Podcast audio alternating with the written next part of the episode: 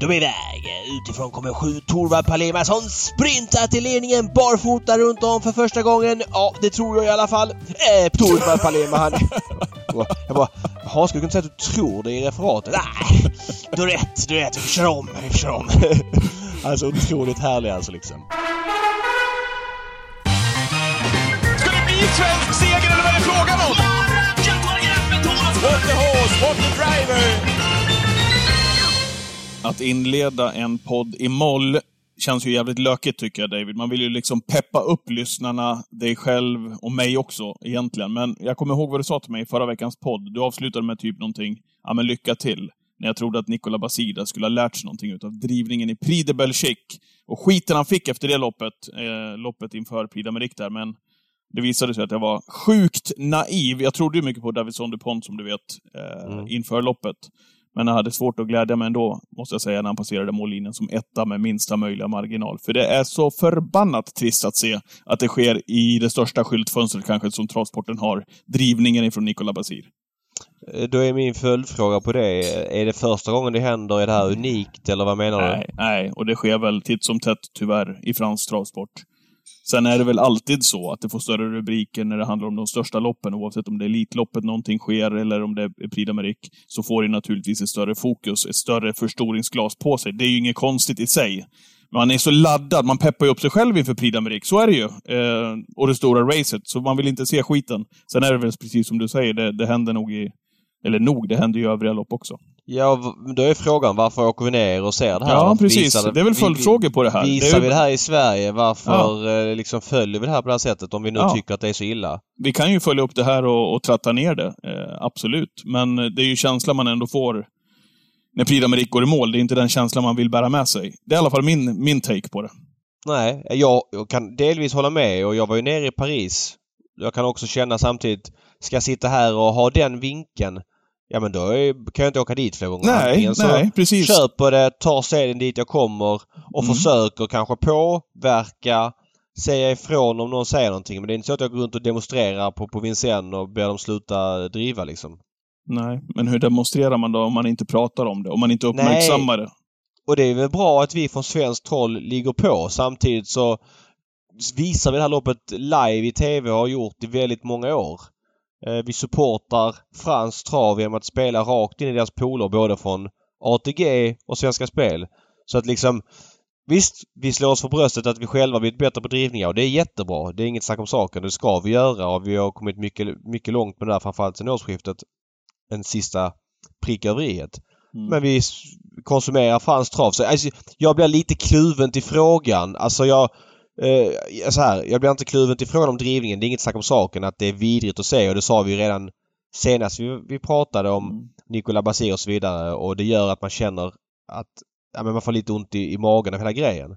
Mm. Men då är ju, sorry, men då får ska jag tycka det och stå för det så får jag nog skita i att åka ner liksom. Är känslan faktiskt. Ja, Eh, är, är, det så? Alltså, Ja man... men det, Ja. man är kluven till det. Jag är kluven. Jag känner nu liksom, vad, vad gör jag här om jag ändå tycker att det här är liksom jobbigt att se? Så är det. Men eh, samtidigt Mm. Sen, ju... sen kan man väl ändå ha någon form av förhoppning när man sätter sig där i soffan, som jag ju uppenbarligen hade då förra veckan när vi poddade. Att jag tänkte att ja, men han, han kanske har lärt sig lite grann utav läxan. Det största skyltfönstret Prix d'Amérique. Ja men Så så är ser- det. Och så ser det ännu värre ut. Det är väl Ja. klart att man sätter sig där med, en, med kanske en, en tro då, om att det ska se bättre ut. Och liksom ha en god känsla när man har sett Prix d'Amérique gått i mål. Och när man har Ja. fått veva tio upplopp eh, här hemma. Eh, det är ju en... Ja, jag vet det är väl naivt då kanske, men om man inte pratar om det så vet jag inte. Nej, nej, men det är, det är ingen nyhet heller. Nu är ju Basir Nikola då en av de värre. Eh, Och nu har han vunnit två lopp på kort tid eller varit med i segerstriden. Därför har det kommit upp och blivit extra. Men drivningar i Frankrike har funnits till och från i, ja, så länge jag var travintresserad och, Absolut. Nu har jag varit nere och kommenterat... 40-50 år innan det. Så att, Absolut. Nu har jag varit nere och kommenterat just den här dagen i väldigt många år tidigare. Men jag måste ändå säga att jag, att det, jag, det jag ser, så har inte jag i alla fall, det kan jag säga med handen på hjärtat, inte upplevt det på samma sätt. Känslan Nej, är att, det, på känslan att det går åt fel håll. Om, det, om vi nu pratar att det går åt rätt håll här, vilket vi ska återkomma till senare i den här podden. Om det går åt rätt håll här i Sverige, vilket det har gjort. Det är ju en, det är en fröjd att se upploppen här 99 gånger av 100. Mm. Eh, så har vi känslan att det har gått åt fel håll där nere, tycker jag. Ja, men och tittar du på Le Bourgeois som är två av dem med Gaius så sitter han ju mycket lugnare än vad Basir gör. Så är det. Men nej, vi har lite att fundera på hur vi ska approacha här framöver. Det går inte liksom att konsumera det med hull och hår och, och komma med speltips och spela ner och sen bara tycka att det är för jävligt. Då är det dubbelmoral. Jag hoppas också på förbättring men jag är lite kluven till hur jag ska agera. Men jag vill ju såklart minnas Gaius, den fantastiska tvåan som var hur bra som helst. Slagen, eh, ja, med en eh, nos, Nos, av Davison DuPont och det tyckte jag var tråkigt ur flera aspekter. Jag tyckte, tycker Gaius känns som en roligare häst. Eh, känns En fräschare vinnare. Ja. Jag vill också säga, det är klart att, att Le Bourgeois Le Bourgeois också driver. Det vill, det vill jag inte liksom sticka under stol med. Men Basir har kanske en, en nivå till i sin drivning. Mm. Nej men det är klart att Gaius känns som en eh, roligare häst. Davidson DuPont. Ska vara ärlig, jag är lite mätt på Jean-Michel Basir.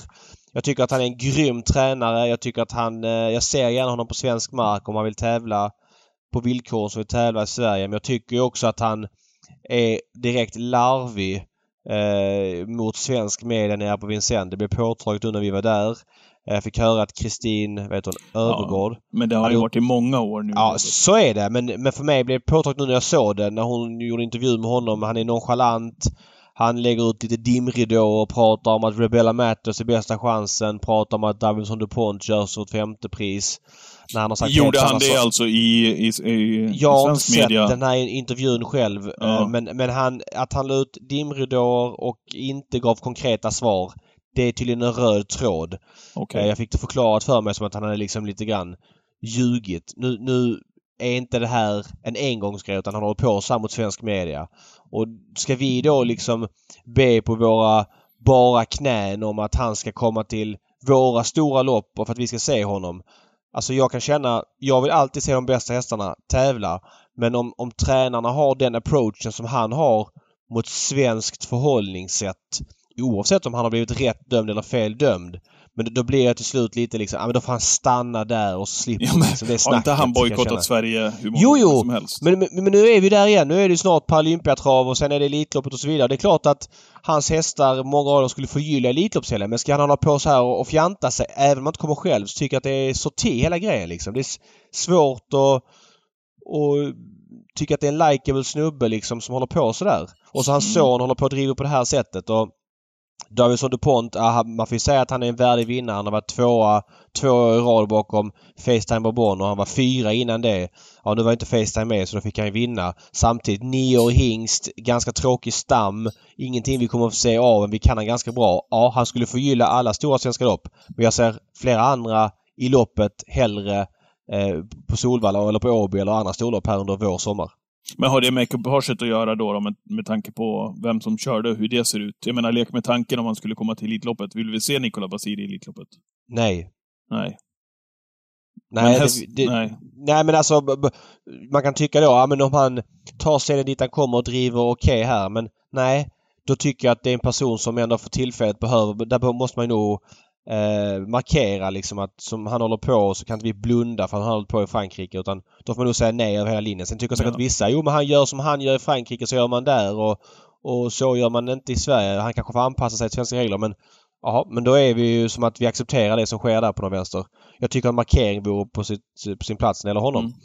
Han var ju bra annars, eh, Davidsson DuPont. eh, Också, Ja, men så är det. Det är en jättebra travhäst, Ja, så han är fick det gå liksom, Han fick göra lite jobb. Det var lite halvspårkörning Ja, lite ja, nej, utan är ryggar eh, stund, stora stunder utav loppet. Så att han svarade verkligen för en kanonprestation, Davidsson DuPont. Måste Ja, också så är säga. det. Och han är en väldigt eh, häftig häst på det sättet. Han är nästan bra en dag om året. Det är Prix Sen ser man knappt till honom. Han galopperar väldigt mycket och han eh, deltar mest i loppen. Men han uppenbarligen så lyckas Basir få honom i toppform just den här dagen. För fjärde året i rad.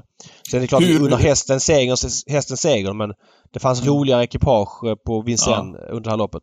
Hur står sig Davidsson DuPonts seger och prestation historiskt, skulle du vilja säga?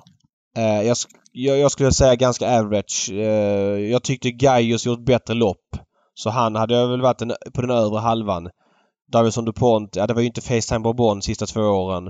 Eh, plus att Davidson DuPont har förmodligen varit bättre både för två år sedan och förra året än vad han var i år. Ja, jag vet inte. Average ungefär. Jag, på rak arm. Jag, jag kan inte säga några som är jättemycket sämre. Det finns ju billigare upplagor. Oyonnax 2010 och ett par till. Men han var bra, Davidson DuPont. Han Ja. behöver absolut inte be om ursäkt för sin seger. Det var ju ändå luft ner till trean eller lite grann i varje fall mellan eh, ettan och tvåan. Ja. Eh, vilka tycker du stärkte sina aktier då, efter det här loppet? Om du nu ska koka ner Prix d'Amérique 2022. Eh, vad Ja, vill du då- lyfta fram? Om vi, om vi tänker då på våra stora svenska lopp som vi har från Ja, våren, om vi tar då bara, bara Prix d'Amérique och inte andra. För Nej, precis. massa ramlopp och så Ja. vidare. Vi hade Elie de Beaufort i Prix de Luxembourg och så vidare. Men om vi tar Prix d'Amérique, alltså Gaius tveklöst. Eh, häftig häst, vilken häftig uppsyn. Sex år. Känns förhållandevis lugnt matchad. Eh, ja, men han var klart förbättrad mot tidigare nu på barfotbalans återigen. Jag gillar, jag gillar hästen väldigt mycket. Eh, kvinnlig tränare känns också eh, som ett extra plus skulle jag säga. Så honom ser jag gärna. Sen om det är Harpers Elitloppet eller Paralympiatravet, det vet jag inte. Men Nej. såklart helst av allt Elitloppet. Ja.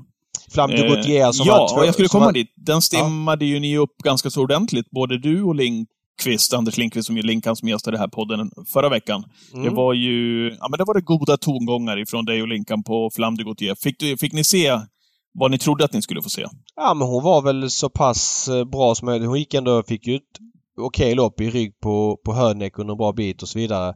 Men avslutar bra och eh, eh, har ju inte mött de bästa så mycket tidigare. Det var ju framförallt för två starter sen och sen var det en Prix de senast och så nu. Så att eh, hon verkar ha en uppåtgående kurva. Är stor. Eh, vilket känns också sannolikt då att man vill komma hit på någon vänster och jag har hört rykten då eller jag läste Anders Malmroth tror jag det var, eller om det var, nej. Det var Tarzan i Expressen som sa att Theo Duvall Stern var sugen på att komma till Solvalla. Mm. Bara hemskt gärna, får jättegärna komma. Ja. så det, det är också en spännande häst. Sen femman i mål och Höneck. Ja, Eh, fick ju tufft lopp. Eh, fick ju rygg på trötta Bahia Cano. Eh, fick gå först i, i tredje en bit då när han fick runda den. Eller först fjärde, sen tredje. Tyckte han höll ändå bra. Han var trea till en kort bit före mål. Och Höneck är fem år. Eh, ung, kommer underifrån. ja men är det känns väl fräscht och Ja, jättefräscht. Sen om Allaire vill komma eller inte, det har jag ingen aning om till, till några av våra lopp. Men Höneck, de tre ser jag hemskt gärna. Framförallt då Elitloppet men även kanske eventuellt i andra lopp. Där vi har sett Vivid Wise Ass som faktiskt, till min förvåning måste jag ändå säga David, slutade fyra i årets Prix d'Amérique. Jag såg inte den komma faktiskt ifrån Vivid Wise. Eh, att det skulle bli en fjärde plats i, i Prix d'Amérique i år. Eh, Vivid Vaisas sköt punktering på alla mina spel under här. Jag hade Quinté, jag hade nej, var det massa, så? massa Ja. spelformer, multi på banan och så vidare med fyra första. Han fanns inte med på någonting. Nej. Så det var väldigt dyrt att han kom före Höneck på fjärdeplatsen. Det är en Och av att- förvånande, vad säger du om prestationen? Nej men alltså han var bra Vivid Vaisas men att han över 2,7 ändå skulle ha en polett till slut. Han gick ändå fortare än Höneck till slut liksom. Det var ändå lite förvånande sett hur han har varit ja, men tidigare och lång distans. Att, nej, Ja. tveklöst att Vivid Vaisas återigen håller den här formen och nu vinner han säkert Criterium de Vitesse här i mars igen för 29 gången i rad och så blir Mm. han Elitloppsaktuell igen. Och Svårt att säga att han nu som åttaåring är bättre än förra året när han kom tvåa i Elitloppet men är han lika bra så räcker det långt.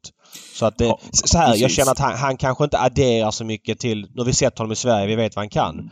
Men han har en eh, hög eh, lägstanivå och gör loppet bättre så det är klart att han ska vara med om han vill också. Han, eh, han behöver ju också framåt när vi kommer där till slutet av maj. De här loppen tär ju på dem och han behöver ju hålla sig fräsch. Vi har ju sett honom vid några tillfällen när han liksom haft otroliga problem med aktionen och Mm, ja, men inte sett, inte sett bra ut helt enkelt inför lopp och så vidare.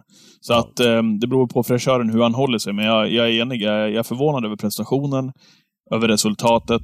Eh, ja, det är som du säger. och- är han i och- ordning så förgyller han trots allt, just som häst. Ja och sen vill jag inte dissa Etonar heller. Han var ju dålig nu Prix d'Amérique, eller dålig ska jag inte säga. Han fick ett ganska tufft lopp. Inte supertufft men ganska tufft. Men han var ändå klart sämre än vad han var när han slog Facetime Bourbon. Nu är det här en gång eh, han var dålig.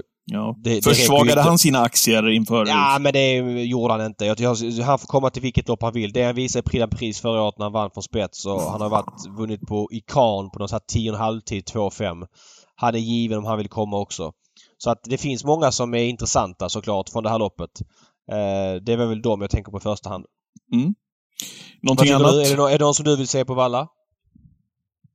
Eller på eh, Åby Paralympiatravet eller något annat? Är det någon du känner Ja, men det här... det är ju såklart eh, öppet mål då, men det är ju Gaius såklart. Med den här prestationen. Och jag håller med dig där. Vilken härlig häst att bara titta på också. Eh, häftig på något vis. Ja, Flam de. Gautier. Ja, pampig, precis. Flam de Gautier, definitivt. Eh, som kommer underifrån. Och så, ja, Hörneck. De vi har vidrört här såklart. Ja. Eh, ja, Vivid Wise Ass kan man väl både ha och mista, känner jag på något vis. Ja, nej, nej, men så är det när man har sett dem någon gång. Det är som Cockstyle. Han, han var ju ganska bra när han vann ett av B-loppen här. Eh, var det Bretagne i början på, eh, på januari på, på eh, vad var han, 10-8 va? För ryggledaren. Men han kanske är Elitloppsbra. Man kan honom rätt bra. Han är nio år nu så att man tycker väl inte det är supersexigt men Ja, det, mixen måste finnas där och så vidare. Men det, det, det var ett trött gäng, många av dem i Prix. Eh, några som är helt borta. Vitruvio är helt, känns helt iskall. Och, och kanske man måste också ta hem då den enda svenska vi hade, helt svenska då. Eh, ja, han var kall i, i Power. power som, ja. han fick ett tufft lopp av, av Ja, det var han. Men, men han, han, var kall också överlag. Eh, mm. Med känslan. Jag, jag, tycker inte Power... Det var länge sedan han visade något ordentligt. Han har ju gått något trudelutt på Vincennes. Men eh, jag vet inte, nu har vi inte sett han i Sverige på länge, men att han skulle vara aktuell för något av de största loppen. Framförallt tänka på Elitloppet då med två hit över kort distans. Det tycker inte jag känns. Då måste han prestera ganska mycket för att jag ska känna wow för power. Sen beror det på såklart konkurrens när vi kommer till häst 13, 14, 15. Ja men ser det tunt ut, ja men då kanske power kan bli aktuell för att man inte har sett honom på svensk bana på tag och sådär. Men det är ju många trötta i loppet. Bahia Canot, Billy de Montfort, Delade Pomereux, eh, Vitruvio. Eh, det var det är ett sargat äldre garde. Det känns skönt att det dök upp något, något nytt ungt blod framförallt då i Gaius men även Hönek.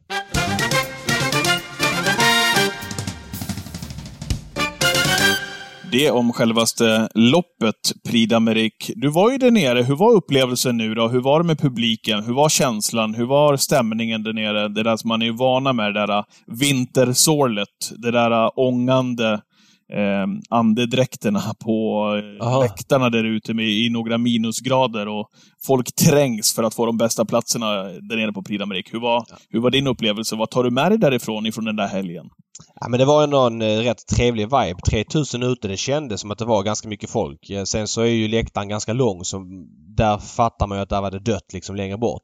Men där vid mål eh, vid målet var det liksom bra vibe så att Uh, nej men det var helt okej okay, men det är klart att det var en nedgradering mot tidigare år. Det här sålet när man kom in på Vincennes med liksom att det är kaos och kö till hissarna och du vet sådana grejer. Det var det ju inte nu. Nej. Så att uh, det var ett mellanår ur den aspekten, så är det bara. Men det är ju liksom det är som läget är nu och nu släpper de på restriktionerna äntligen då får man säga. Men sen om det här är ja, vi har ett liv, eh, långt liv eh, utan restriktioner eller det kan komma tillbaks igen, det vet vi inte. Så att man var lite försiktigt optimistisk bara. Mm. Eh, nu tar jag den på volley här, men var det inte någon, la ut en tweet eller messade någonting? Det var någonting du var lite besviken och förbannad på. Var det någonting med någon produktion och monitorer? Ja, men det, är, det är faktiskt helt overkligt när man är på en sänd. Det, det, har det här och så har det varit tidigare, men det var extra påtagligt i år. För normalt sett sitter jag på en annan restaurang och nere på den här restaurangen där vi satt nu, Urani tror jag den hette. Ja. Nu, nu jobbar jag lite där, men jag, jag såg några lopp därifrån. Då har de alltså eh, de visar, alltså du ser ju loppet då, du måste se loppet på skärm för att hästarna är så långt bort när. Det är en stor bana för de som inte varit där, 1975 meter. Så du, du ser inte dem med blotta ögat. Och när du tittar på en skärm så har de på innerplan en stor skärm. Den är ganska liten så blir en bit bort så den hjälper inte så mycket. Men inne på restaurangen har de alltså Ekydias sändning. Så att mm. när du tittar på loppet live de kommer... Det är väl ändå liksom, rimligt att de har? Nej, vänta lite. När du kommer, upploppet kommer live så ser du hästarna. Sen tittar du på Ekidias sändning. Då är det delay på 5 sekunder. Så hästarna fortfarande är i svängen. Så när du ska följa loppet liksom när de är i backen och där borta. Då tittar du på Ekidia men då är det 5 sekunder efter vad som händer. Och så tittar du lite på innerplan och då får du en bättre uppfattning. Men det är helt iskallt. Hur FAN kan de ha alltså Ekidias retursändning för att följa loppen. Det är otroligt dåligt. De måste ju ha en signal som är från sändningen från banan så man ser det i skärmarna i realtid mot hästarna. Ja, det kan vara live, en halv, live. Ja. ja. men en halv sekunds fördröjning kan man acceptera men inte fem. Det måste de åtgärda. Det är ju fruktansvärt dåligt alltså. Ja, faktiskt. 2022. Ja, ja 2022. Alltså det är ungefär som att du är på Valla och sen så ser du upploppsstriden i TV4. Liksom. Ja men det är klart att det är fem sekunders delay på den. Vem vill se det så? Nej, skitkast. Eh, det måste de åtgärda faktiskt. ja. ja, det är bra. Annars då? Paris? Eh, Nej nere. men det var som vanligt liksom. Det var trevligt sådär men ja, lite varmare än normalt. Det var ju runt 10 grader där på söndagen så det var nice. Ja, det var skönt. Vad tyckte du? Hur, hur upplevde du eh, helgen? Var det någonting som stack ut för dig? Nej, det kan jag inte säga. Det var, jag, hade, jag hade laddat upp för, för Prix d'Amérique, måste jag ja. säga. Det var, ja. det var där jag gick all in och, och ville följa loppet och eh, allt det där. Sen är det ju det är alltid på något sätt Undrar om det inte är lite halvshow ändå ifrån de här, um, ifrån startpersonalen när det är dags för Prix d'Amérique. Ja, ja. ja men det, det, det, är nästan som att de har bestämt sig. Det ingår ju på något vis. Alltså ja. ett Prix utan att de får vända in, snurra lite grann, omstart, man hör den här signalen som ljuder, de vänder tillbaka in igen och det är total kaos och de kommer ut. Det är nästan som att de har bestämt att ja, men, vi måste i alla fall köra två. Ja. Minst. Minst! Nej, så är det. Det är en del av showen. det, till, det, till, det tillhör verkligen. Ja, eh, nej, så är det. Ja, men det, det, det var väl inget speciellt övrigt så, eh, förutom Nej, det du varit inne på tycker jag. Jag måste lyfta en, en man som enligt mig har kommit helt i skymundan. Jag vet Ja, du, kom, du, du kom hem och så sa du så här, du, har du sett hur mycket han har kört in? Ja, alltså. Eh, jag vet ju att han har haft framgångar i Frankrike och jag vet att han är duktig. Men Thomas Malmqvist alltså.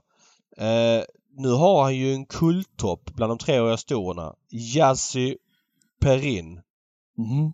Mm. Eh, och Thomas Malmqvist körde alltså i fjol in 17 miljoner som travtränare. Jag gissar att det mesta är nere i Frankrike. Det, det är känslan utan att jag har data på det. Mot året innan då körde han in 8 miljoner. Alltså det är mer än en 100% i förbättring. Thomas Malmqvist börjar bli en liten faktor där nere tycker jag alltså. Eh, känns ju väldigt... Ja, när du ser Thomas Malmqvist och hör honom prata så känns ju inte han som en kille som ska vara den bästa trä, svenska tränaren i Frankrike. Han känns ju väldigt liksom... Ja, Thomas från Jägersro. Alltså väldigt mycket så. Ja. Men han har ju byggt upp en ordentlig rörelse där och kolla faktiskt på hans träningslista. Han har ju en, en hästägare som eh, du, Ecurie Hunter Valley. Eh, de har alltså 24 hästar eh, som de äger och av de 24 så är alltså 20 i Thomas Malmqvists träning. Resten är väl då något födsto och någon som inte är i träning. Mm. Så 20 hästar har de i Thomas Malmqvists träning. Nej, vi, vi måste ha med Thomas Malmqvist i podden snart faktiskt för att eh, han har gått under radarn för mig. Att han har lyckats och så vidare. Men nu har han alltså en kulttopp. Den där Jassi Perin vann ju med 20 meter liksom. Ja. Så att, eh, nej, kung Thomas Malmqvist. Ja, verkligen. Och men eh, alltid varit här hemma känns ju som väldigt gedigen och, och plockat fram någon lite då och då. Oh ja. liksom, verkligen alltså med, med, med hästar här på hemmaplan. Ja men framförallt enkelt stammade hästar som har varit med Mm. i E3, uppfödningslöpningen och sådär som han har liksom fått ut lite max utav. Eh, Det finns ju många exempel på det. Tunica och...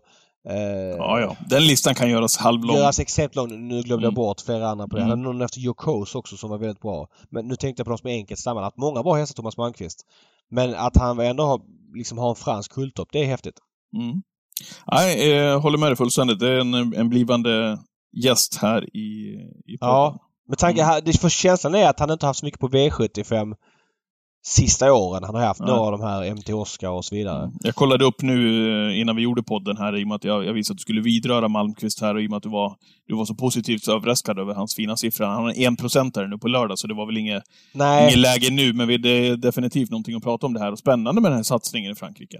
ja men nu, alltså den bär ju frukt verkligen liksom. Och Ja. han vann ju en annan seger på Vincennes igår då. Ett Montelopp där eh, Justin Kersier red någon, eller red en häst som heter Fighter Kiss. Det var ju 200 000 till vinnaren där. Så att, ja det rullar på. Ja, vi släpper Frankrike för den här gången. Lär väl få alla anledningar att återkomma i, i det ärendet lite senare här också eh, i podden. Vad har hänt på hemmaplan då? Jag tänkte på en sak, en, en, någonting som slog mig här eh, rent generellt här när jag satt och följde tävlingarna här under veckan och, och även de senaste veckorna. Det var ju några år sedan nu, var det, var det 2019 tror jag, som man höjde åldersgränsen för eh, tävlande för hästarna va? Hingstar och valacker från 12 år upp till 14. Man låg väl kvar på stona eh, när det ligger ja, kvar på tror man 10 är kvar år. Ja. Tio. så är det. Ja. Eh, kom, vet inte vad jag tänkte och tyckte då. Tänkte väl att ja, men det är väl kul för de här hästarna som har lite mer att ge på ålderns höst, som är fräscha och fina. Men eh, jag tror jag måste backa från det. För jag vet inte vad Ja, det ger faktiskt, det där. Det känns mer som utfyllnad och sen vissa gånger också så blir det ju, man hör ju ofta ifrån tränarna och ägarna, ja men de får, han får själv bestämma när han vill sluta Ja, tävla ja, och ja, hon får själv eh, visa när hon är trött på att tävla. Då tar vi bort henne ifrån tävlingsbanan. Fan vilken floskel det är. Just den där meningen. Åh, han får trä, träna, tävla på så länge han tycker det är kul. Ja. Och när han tycker det är kul då? Precis. Alltså det är klart att hästar tycker det är kul med uppgifter.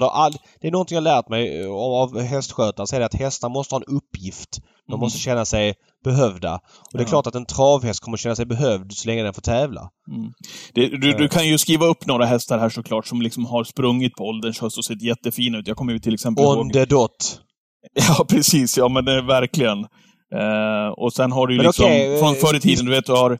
Eh, Springer om var springer med i. Elitloppet som 12-åring? Ja. Eh, springer om. Du har eh, Kadett Ceder som har tävlat länge. Du hade Oracle Suit, Skogans Joker, Prins RS.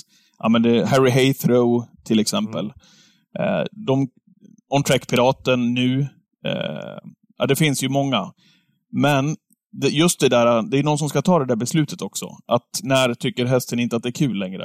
Eh, det, det, är ju liksom, det är ju tränaren som ska, och ägarna som ska göra den bedömningen. Och, och feelingen man får allt mer, tycker jag, det är att det beslutet inte tas, eller det tas för sent. För att det är ingen, det är ingen, det är ingen härlig känsla att se de här kämparna, snabblopparna som har varit så fantastiskt bra under en så lång karriär, springa med Visst, de springer in lite pengar här och där titt som tätt. De är femma, sexa, rasslar till med en tredje plats kanske ibland. Och så låter man dem tävla på. Men det är inget kul att se dem. När, de, när de har tappat geisten, det är ju då man också ser att nu är det, nu är det färdigt. Men det är för många jag, som tävlar. Jag tycker det är helt iskallt. Alltså jag, jag, jag, jag så här, anledningen att man gjorde det här, det var ju för att hästbristen. Man behövde fler hästar i loppen för att man insåg att loppen var för tunna. Men problemet, alltså man löser ju inte problemet med att eh, låta chanslösa hästar bli ännu mer chanslösa för att de får tävla på lite grann. Den här Västerbo on the News.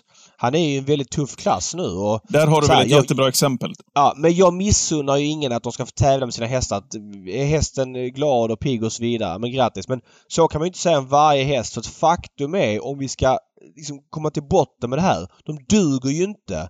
Det, när vann en, en, någon häst som var över 13 ett lopp senast? Ja, var säkert på något vardagslopp. Men de duger ju inte när de tävlar. De är bara deltagare. Tyvärr. De är skittråkiga att ha i loppen. De kan inte göra något jobb överhuvudtaget. Alltså, det är Nej. inte den travsporten vi vill se liksom. Västerbo News en trudelutt och sen så ska han liksom haka med från tredje inner. Alltså, Men vi är ju tyvärr. stolta, David, med all rätt tycker jag, över den svenska modellen när vi säger att ja. vi har lång tävlingskarriär på dem. De tar inte slut när de är tre, fyra år som de är i USA. Eh, utan vi kan tävla länge med dem i våra klasser och de blir stora profiler. Men just av den anledningen också, det måste, just de här sista åren, jag har vänt i den där frågan. Jag vill inte ja, se nej, dem på tävlingsbanan mer. Utan alltså, har de gjort sitt, de är uppe i 12 års ålder. Ja! ja men tack! Då, det finns de ingen ju... som vill se de här profilerna slita. Nej, de har ju redan börjat ebba ut som 9, 10, 11 och sen 12-åring och sen så ska man då förlänga det två år till för att man behöver hästar i startlistorna. Men det är väl bättre att köra färre lopp med hästar som kan tävla istället för att köra fler lopp som är ihåliga med få hästar och de hästarna som är med är i vissa fall, nu är det inte så många hästar, men är i vissa fall 13-14 år och deltar bara liksom. Mm. Den där Vackera. Hur många veckor har han startat på V7? Jag är faktiskt rätt less på honom att se honom i startlistan. Han var väl 0,08 procentare senast. Jag har väl aldrig sett en så lite spelad häst någon gång. Det säger allting. Så att det här är ett kast beslut och jag förstår hur man har resonerat men det blir inget bättre av det mer än chanslösa deltagare i loppen och det vill vi inte ha. Och vi vill inte ha de här profilerna som har blivit så uppskattade i stugorna, för det, det blir de ju ofta de här. Eh, snabblopparna, du, du får en igenkänningsfaktor på dem. Eh, kommer ifrån orten, lite mindre städer kanske, många känner till dem. Och så följer man dem på V75 och de blir så otroligt uppskattade. Och många kan ju till och med sitta och heja på de här lokala profilerna, eh, vilket de blir. Men just av den anledningen också. Det, det blir det blir ju tvärtom effekt sen när, när karriären är på väg att ebba ut och man ser att nu har de gjort sitt på tävlingsbanan och ser dem då springa med eh, och kämpa eh, för en femte, sjätte plats. Den, den känns inte speciellt bra. Så att jag har svängt i det där och det är väl inte för sent att ändra det där. Man kan väl... Vet du när On Track Piraten var lopp senast? Eh, nej, men det var länge sedan. Det var... Det var väldigt länge sedan, ja. Tell me. Jag räknar här. Vänta. Uh, 25 starter sen. Han vann alltså lopp den, uh, i, i 20, den, den 28 december 2020. Uh, då var han alltså 12 år. Så det var sista starten han skulle få göra för 12 år. Sen har han fått starta på och han har ju ändå hängt med anständigt och tjänat helt okej pengar sen dess. Men totalt sett så har det inte varit en positiv upplevelse, tycker jag. Sen är det så här, ja det finns säkert vissa fall där hästarna tycker det är kul att tävla på men man vill ju minnas dem också lite grann för vad de var. Alltså, jag behöver inte minnas honom när han var som bäst när han vann Müllers och SM back-to-back och så vidare. När han var hur bra som helst. Men steget därifrån till att han nu liksom från, kan vinna från tredje inner som bäst och, och sen lucka en kall gulddivision på Bergsåker i december i snöstorm när en galopperar över mål. Det är inte värdigt tycker jag. Ja. Och sen är det ju en fantastisk häst som har tjänat med nästan 20 miljoner liksom. Ja, att, och gjort 196 eh, starter. Nu, nu, nu tycker jag att Hans Strömberg och även ägarna som jag eh, känner eh, på mm. håll eh, kloka människor. Eh, och där har de också sagt att de låt piraten själv bestämma om vi nu, om vi nu ham Jo, hamnade det på återigen- honom. Men det, återigen där, då är det vi återigen tillbaka där, ja Mm. precis. Att man vill liksom se de här när han, när han var som bäst. Sen fattar man ju också att du kan inte lägga av varje karriär när formen är i zenit och lägga av, utan det, det finns ju Nej. alltid en liten vi rutschkana utför, men det är en annan Det är sak. inte det vi pratar om. Nej. Men On Track Pirater, han skulle väl köra någon avskedsturné med, med de som hade skött honom och så, så blev det ju inte riktigt så. Erik vinner och kör två lopp och inget fel om det att Erik körde men då blev det ju inte som tilltänkt och han har gjort någonstans för mycket tycker jag.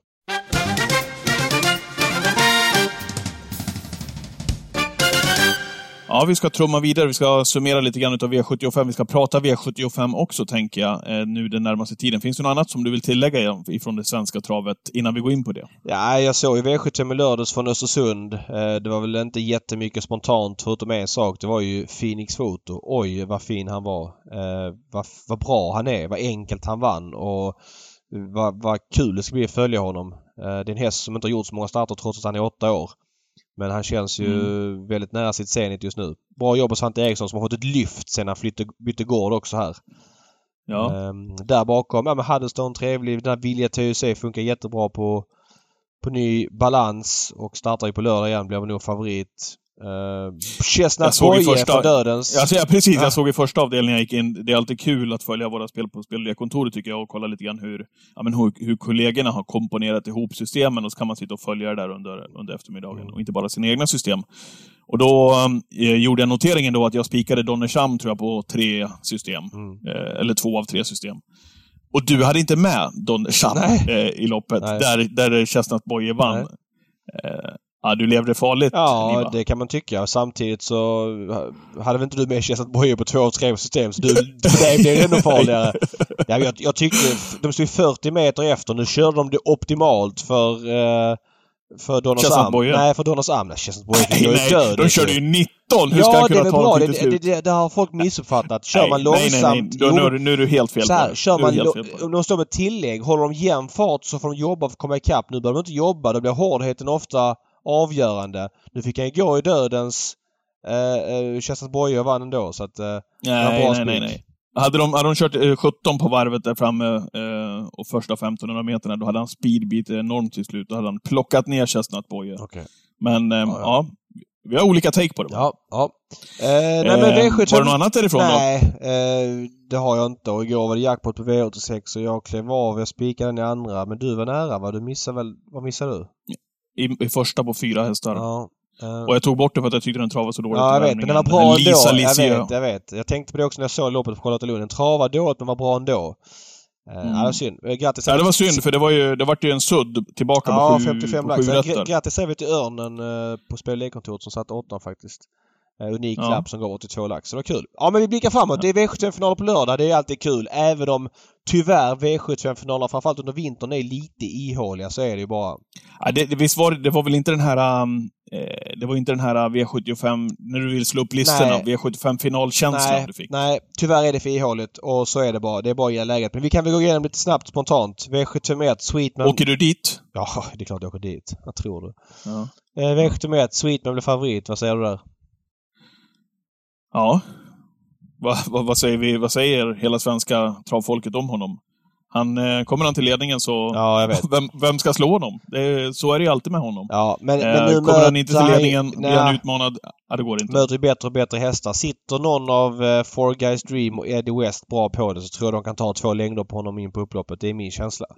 Eh, Ja. eh, då blir han inte jättestor favorit. Kanske. Eddie Wests speed kan, kan, kan vara så pass vass, Ja. ja. precis som du säger med rätt resa, att han ändå växlar Sweetman.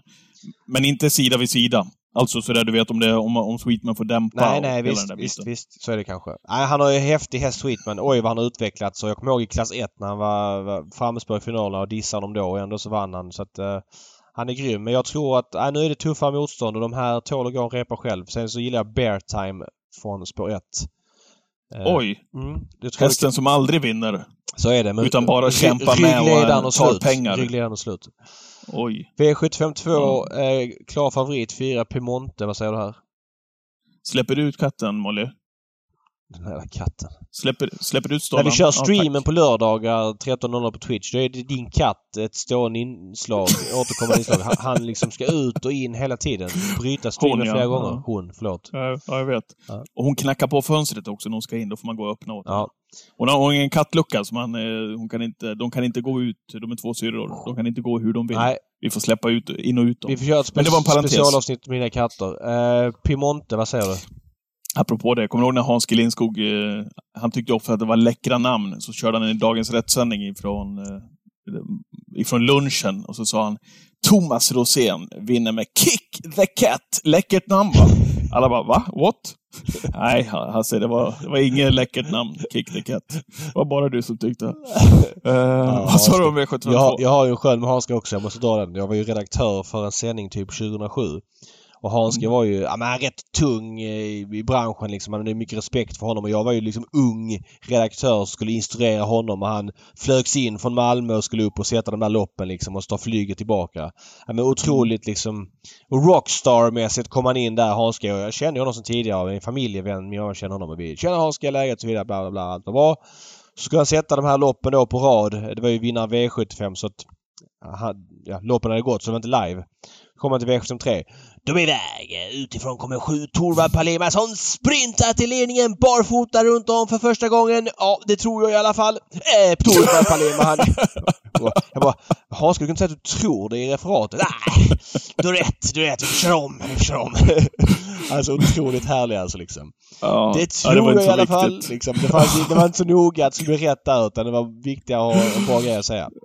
Ja, det är skönt. Ja. Det kommer lite Hanska anekdoter ibland. Ja, här, han är fantastisk. Eh, emellanåt. Mysig. Det finns så många härliga Ja. citat. Eh, Piemonte Eh, ja. V75 andra ja, Piemonte ja, som, som Jocke Lövgren och alla i kretsen kring eh, säger att bara ska gå upp i klasserna, bara promenera genom klasserna och nu är han ju bara i klass 2. Mm. Eh, köper du surret? Det är klart att han- är rätt favorit och det är klart att han är svårslagen om det funkar men jag vet, alltså så här, jag jag spelar hellre en mindre V75 och chansar grovt än håller på att spika dem hoppas på skräll övriga. Eh, Piemonte, lång resa, har väl galopperat någon gång. Sen hoppas jag att man kör antingen Immigrant Am i dödens eller, eller i ledningen eller den här Equal to None. Jag är väldigt förtjust i Immigrant Am i varje fall. Eh, jag var inte med när han fick vinna senast men för tre starter sen satt han fast med rubbet eh, bakom vad heter den, Dum, Humle, Humble. Eh, ja, det var ett fyra... Det var E3-revanschen. Nej, nu yrar jag big Mm. time här. Vad fan? Ja, ja men skit i det då. Ja, men han satt fast i loppet i alla fall. Det var ett årgångslopp på Örebro. Uh, Humble Man vann. Och det var E3-revanschen, precis. Ja. Eh, och Mm. där var han bra. Sen en gången efter gick han bra på V7. Fick han vinna senast. Eh, tr- slår väl förmodligen inte Piemonte, men 3% så chansar jag dit honom tidigt och lite sånt. ja, vad kul. Vad gör du? Nej, men eh, det beror på vart Piemonte hamnar någonstans på sträckan. Jag tycker att, jag tror att han slår Equal to None eh, ganska så komfortabelt. Och den har ju stuckit iväg. Han är ju spelad på 14 procent när vi pratar just nu. Mm, Så att, eh, håller han sig Piemonte, eller kanske till och med går ner, så då, då, då kan jag köpa Piemonte i klass 2 ifrån det här läget. Det måste jag, det måste jag medge. Du, apropå Hanska, jag måste bara ta den. Eh, per Skoglund ju, som, som, eh, när vi ändå är inne på ämnet, Per Skoglund ju, som eh, är ankaret eh, i travsändningen har varit det under många år nu Mm. eh, som programledare. Eh, startade också sin karriär eh, På Ryland. På Ryland precis. Eh, och gjorde ju då lite inhopp. Och många av de här inhoppen som Per, eller hans första sändningar, gjorde vi tillsammans på det här vinnare V64 som vi åkte ut. Och då var man två reportrar som åkte ut. En kommenterade och en körde eh, reporterjobbet Ja. bandade sändningen som sändes senare på, på kvällen. Eh, och jag kommer ihåg så väl när vi hade, han hade, hade väl inte gjort mer än två, tre sändningar kanske och kommer upp i pinnen som det heter då, eh, där lokalerna var på Solvalla. Ja, Eh, Kanal 75 lokaler. Ja, precis. Och kommer upp där och där står då Challe Berglund, som också höll på med Trav-TV då, Johan Edlund, Hans G. Lindskog och jag kommer in och har gjort då sändningen med Per eh, dagen innan ifrån Mantorp, tror jag att det var. Mm. Och kommer in där och då så vänder sig Hans G om sig till mig och säger du, hör du. Den här killen som du hade med igår, Per Skogsberg. ehm, det är väl ingenting att ha va? Det är väl, det, vad säger du? Skogsberg där. Heter han Skogsberg va? Han, han, det, är, så, Så typiskt Hans, vi dog ju. Jag, jag Edlund och, och Challe liksom. Sa, nej men han heter Per Skoglund. Så, Ja, ja just det. Precis, Skogsberg va. Eh, Skogsberg, är han Men- bra eller? Bra. Men, men så där har ju alla varit mot alla i trav-tv. Det är inte bara Per Skoglund som har råkat ut för det. Jag blev ju totalt utskälld av allt och alla när jag började och det var, gick ju interna medier om jag skulle vara kvar. Alltså det, och framförallt är det från andra talent som sitter på höga hästar. Så det är säkert i övriga mediebranschen också. Det, har varit. det, det var, det, ja, det ska absolut. och, och så, och- sån är ju branschen Ja, lite grann. nej, Tyvärr. Eller var. Den är man ung och kommer underifrån, man ska inte tro man är någonting i alla fall. Man ska bara sitta på sin plats för när proffsen kommer då ska de andra passa sig. ja, men lite så. Det var dit jag skulle komma också. Det, det är inte bara Per som, som fick den här. Per eh, har faktiskt sen dess, vilket Per vet om, hetat Per Skogsberg i, i min telefon här Okej. i telefonboken. Ja. Eh, ja, men det var, en- det var en eh, anekdot. Han visste ju mycket väl att han heter Per Skoglund och han gjorde ju ett skitbra jobb för att ha gjort så få sändningar. Men det, Ja. det är klart, du vet nervös första gången Ja, och nej, sådär. det Och- ja, har vi alla varit det, det, det, det ska markeras då. Så är det. Då ska det så är markeras. Men så är det nog inom Vi- övriga mediebransch också. Ja, kanske. V75 3. V75s tredje avdelningen. Mm. Vad, vad säger du här då i ett lopp som där vi får hjälpa eh, spelarna att reda ut begreppen? Jag kan hjälpa dig om en liten stund. Ta din take på V75 3 först. Mm, du- kommer ju tro på två keykeeper för det är Leif Ja, som tränar och det är dina regioner. Nej, och har du sett dit. hästen? Jo, jo, men vänta nu. Först och främst är det kul att de har lyft in det här loppet på V75 istället för eh, storeliten som var nio hästar. Det är bra. Eh, Mm. Keykeeper, ja det är möjligt eh, att han kanske vinner. Eh, verkar ju snabb ut och verkar travsäker och lättplacerad. Verkar ju och... sjukt kapabel Ja. och det verkar som att spelarna har bommat hur kapabel han är eftersom han har spelat på 21 procent bara några dagar innan. Här. En som är kapabel är 12 Parveny också. Den har lite dåligt läge Mm. men den är väldigt trevlig tycker jag. Eh, snacka om att ha vunnit enkelt. Eh, rejäl. Den Mm. vill jag ha med. Ja men du spikar det. Keykeeper. Eh, feelingen är ju det, att han är, att han är bättre än de här och dessutom med det här utgångsläget. Ja, det är en, det är en ruggigt, ruggigt fin häst alltså, David. Ja, du, ja. du får gå in och kika till den där lite extra tror jag. Ja. V75s fjärde avdelning, favorit där är Vilja TYC, eh, som kommer ifrån seger. Mm. Hon vann ju lördags på ett Mm. imponerande sätt. Kördes på chans då. Daniel Wäjersten sa i cirkeln efteråt att hon var lite trevande från start så han kunde inte ladda med henne så att han fick köra lite på chans. Eh, men oj Mm. vad bra hon var när hon väl fick luckan. Det var ju något nytt huvudlag där mot gången innan och norskt tror jag det var. Hon var allmänt förbättrad. Ja, får vi se nu vecka vecka men känslan är att skulle hon komma till spets här eh, det känns ju som att det är en bra möjlighet för det. Så, så Ja. ska de andra vara bra. Jag säger, Du- jag säger inte att hon vinner för spets men jag tycker 26% heller inte är jättemycket. Det är min spontana känsla. Nu vart det ju sju rätt på systemet som vi gjorde här tillsammans med övriga i stream och Twitch när Quarcia vann. Du ville ju spika Quarcia den Mm, gången, men mm. jag, jag förbjöd dig. Ja. Eller förbjöd dig. Vi hittade ju vi hittade buskablyg istället. Ja. Vad tror du om Quarcia den här gången? Eh, nej men jag tror väl att... Eh, ja, men jag tycker hon står lite tufft inne va. Det är väl känslan. Lite tuffare uppgift. Tycker ändå att det är för Quarcia. Eh, hon kommer ju behöva göra en hel del jobb. Kan, kan, kan absolut gå men som, som favorit Ja, men då har jag hellre känsla för någon annan i det. Så kan jag känna spontant liksom. Vad känner du själv? Nicki Minaj kanske? Nerstruken till innen. Jag tycker att hon har, eh, hon har faktiskt gjort bra lopp Ja. en längre tid utan att få vinna och hon är spelad på 3 Ja, men- Det måste väl ändå vara alldeles för lite med det utgångsläget, eh, Rygg, känner jag. ryggledaren och slut. Kanske det. Mm. Ja, men 3 Hon har, hon har ändå...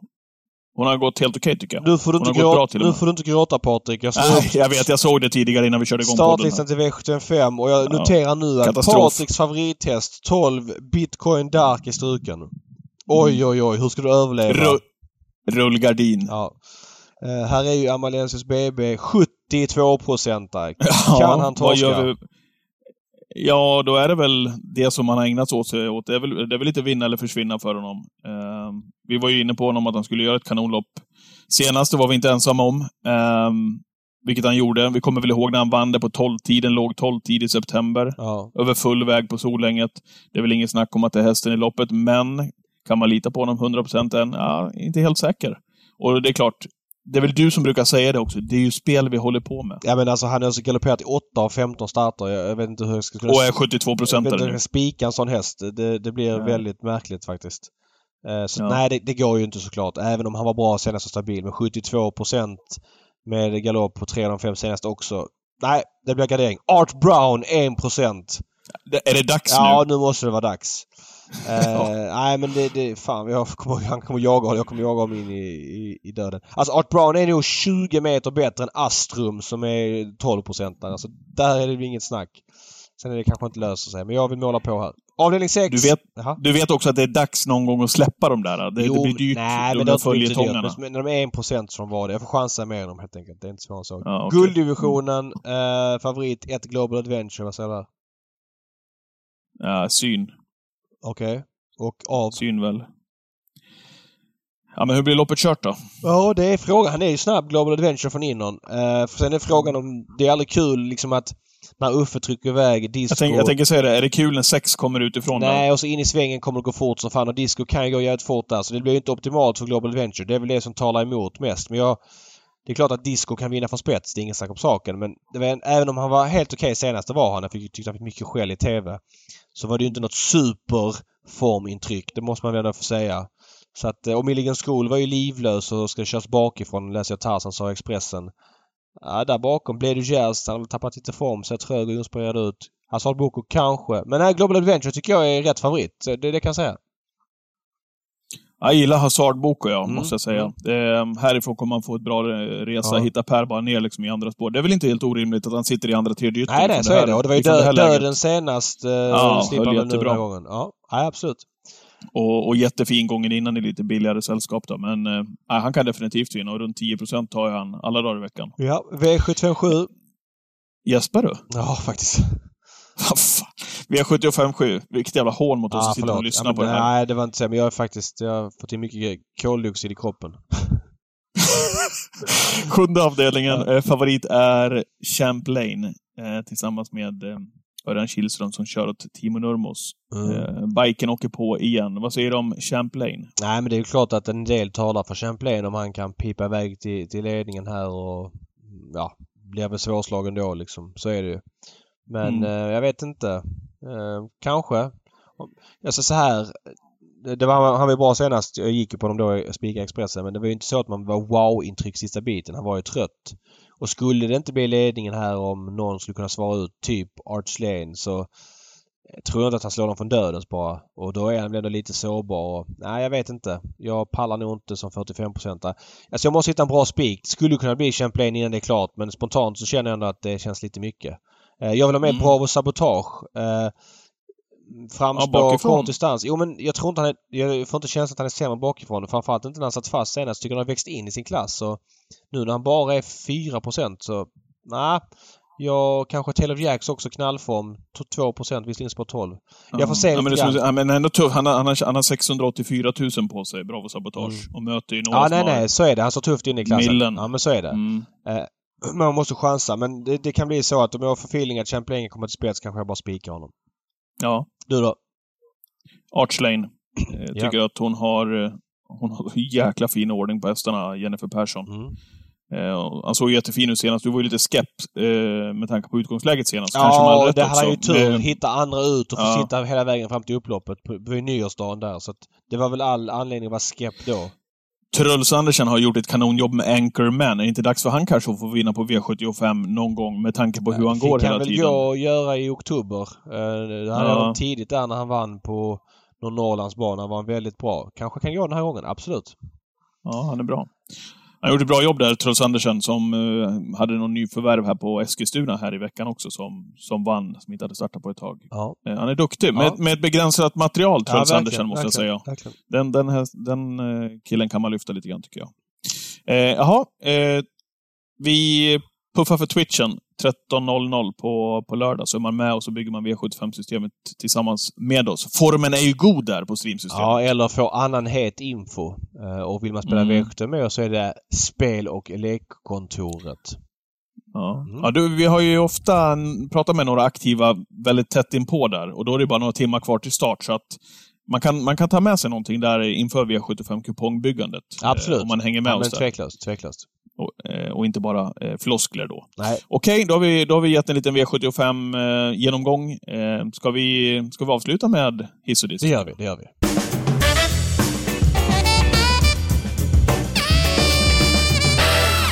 Mm, hiss och diss.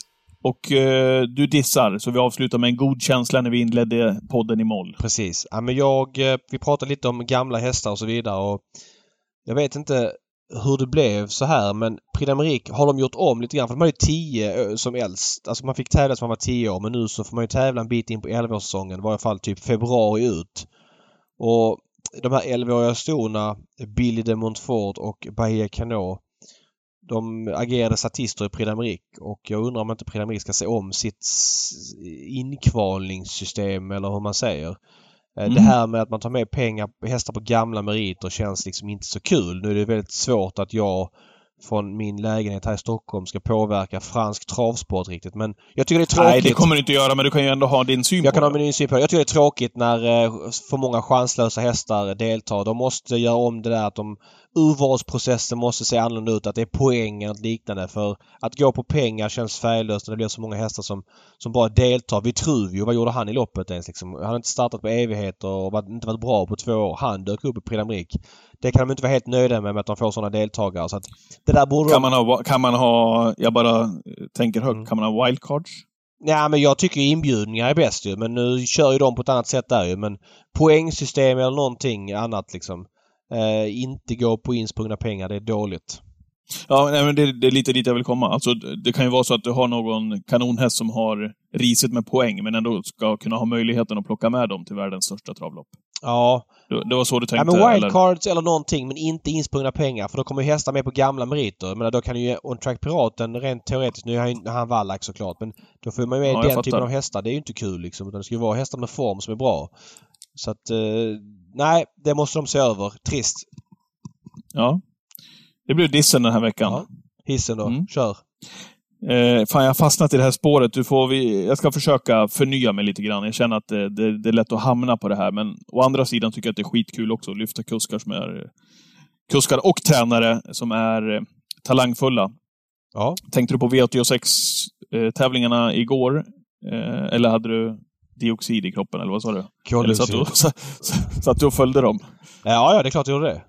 Eh, Marcus Liljos styrning, eller rättare sagt upploppsåkning, eh, bakom Ninja Zon.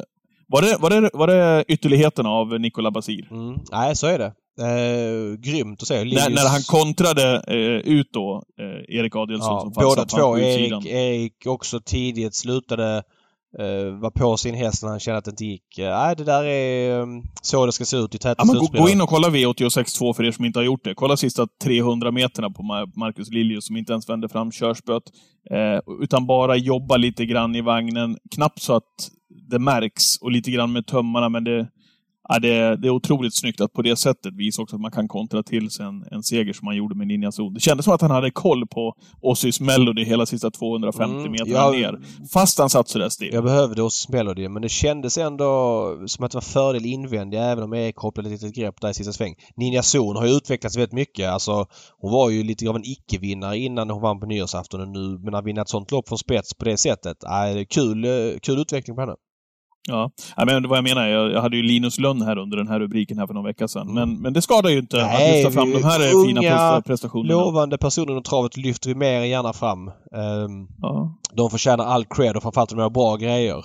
Att man liksom uppmärksammar det. Så det, där, Och, där gör du och, rätt. och, och lite lättare kanske också i den åldern kommer fram att bli, bli lite het i, i, i upploppsstriden. Ja, nej, när det, men, när det men, liksom men nu har vi ett Men- tydligt reglemente så att eh, vi får se vad vi säger om det. Du, innan vi avrundar bara. Eh, Ja. Det har kommit en regel här i veckan. 22-milsregeln. Om att catchdrivers Ja, eller kuskar som kör på lunchtravet inte får tävla samma kväll om banan är mer än 22 mil från lunchtravet.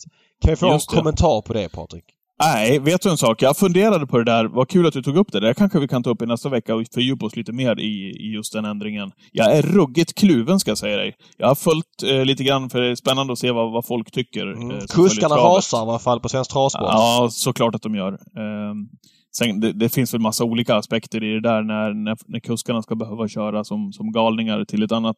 Eh, de, är, de är idrottsproffs Mm. eh, och ska liksom lägga eh, timmarna i bil där precis inför de ska prestera. Eh, och dessutom ofta då eh, få köra fortare kanske än vad man, vad man ska göra. Men vem är man att sitta och döma det ifrån sidan? Nej, nej. Eh, samtidigt så, det. så- och, och ena, Så måste alltså, det också vara någon form av fri Ja, företagsamhet ja, som vi har pratat om tidigare. håll- Vilket man också då begränsar för de här kuskarna som lever, lever på det här. Så att eh, Jag är, eh, som svar på din fråga, lite kluven i det faktiskt. Ja, jag håller med helt och hållet. Jag är också kluven. Jag ser positiva och negativa fördelar med det. Jag tycker det är synd att man begränsar de här som vill köra mycket. Samtidigt kan jag tycka att om vi ska fortsätta med lunchtravet som vi har gjort, då måste det bli en regional angelägenhet med väldigt låg klass på hästarna. För att, att det tar hästar från kvällsbanorna som sen tar hästar från V86, det skapar ju en ihålighet som vi haft nu under den här vintern. Det har varit så i många år men den här vintern har varit otroligt ihåligt på vardagstrav och lunchtrav. Och att vi ska ha proffskuskar som åker jag ska inte säga land och rike runt men, men jagar de här styrningarna. Jag menar, ja det är ju pengar som kan försvinna. Det är inkomster som försvinner för de här kuskarna. Samtidigt så är det ju ganska mycket i resor de sparar. Eh, det är inte, det är inte jättemycket pengar de kör på luncherna och om jag bara väger in lite grann de här, många av de här kommer ju ta sådana uppsittningsavgift sen och jag lägger ingen värdering i det utan jag bara konstaterar att om en kusk och det kanske går. Men om du ska ha en kusk som kör ett lopp på kvällen som är halvstort eller liknande då vill jag att den ska vara så påläst som möjligt. Det är bättre förutsättningar att kunna plugga till loppen om du inte sitter och kör en bil till ja, nästa men inte bara det. Och, och sen, sen blir det åter säga så här, de kanske har pluggat loppen dagen innan men det händer mycket Ja, ja. information dagtid mm. och man ska liksom vara up to date och så vidare. Eh, återigen, de är egna företagare, de borde bestämma själva. Jag har inget svar på frågan men jag kan förstå Nej. båda sidorna. Ja, samma här. Eh, det är ju det är ju en aspekt. Läser på, det gör de ju liksom... Ja, det är väl olika från kusk till kusk det där också, hur pass pålästa Ja, och de löser kanske det. Också. Absolut. Och det kanske de har löst ändå. Men är det optimalt om man bara ser ur det perspektivet eh, att man sitter i en bil, tokstressar, byter om för att hinna ut till loppen?